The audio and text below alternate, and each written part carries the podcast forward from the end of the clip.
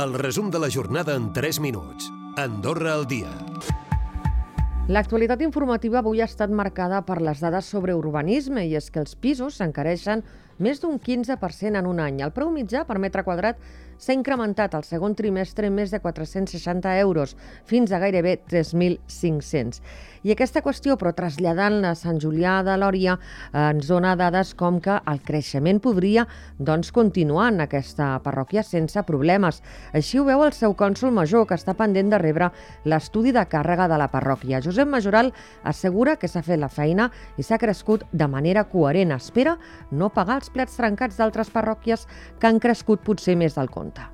Sant Julià ha creixut d'una manera molt eh, coherent, és a dir, i molt mesurada, no, no, no hi ha hagut grans urbanitzacions ni, ni, ni grans històries, i per tant el que tampoc voldria, i ho dic ben alt, és eh, que Sant Julià ara hagués de pagar els plats trencats de la resta de parròquies que sí que han creixut possiblement de manera desmesurada.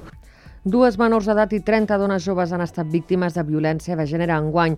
Hem volgut conèixer de la mà d'expertes quines són les causes darrere d'aquests casos. Escoltarem a la psicòloga Sònia Vigordà, la presidenta d'Acció Feminista, Laia Ferrer, i Mònica Álvarez, cap d'Igualtat de Govern un de cada cinc joves entre 15 i 29 anys no consideren que hi hagi violència de gènere. Hi ha una regressió, és a dir, s'estan tornant a acceptar i a normalitzar molts comportaments masclistes. Conceben l'amor eh, d'una altra manera, no? Per exemple, la gelosia és com un signe d'amor. Com ens han criat, no? aquesta jerarquia que han establert entre homes i dones des de que són ben petits. Es mantenen molt, eh? aquest tipus de masculinitat tòxica no? i aquest tipus de feminitat. Fins que no, no aconseguim que aquesta socialització sigui més igualitària i respecti més la diversitat, continuaran havent-hi casos de violència de gènere. A finals de setembre o principi d'octubre sortirà una dicta per cobrir cinc places de cos de banders.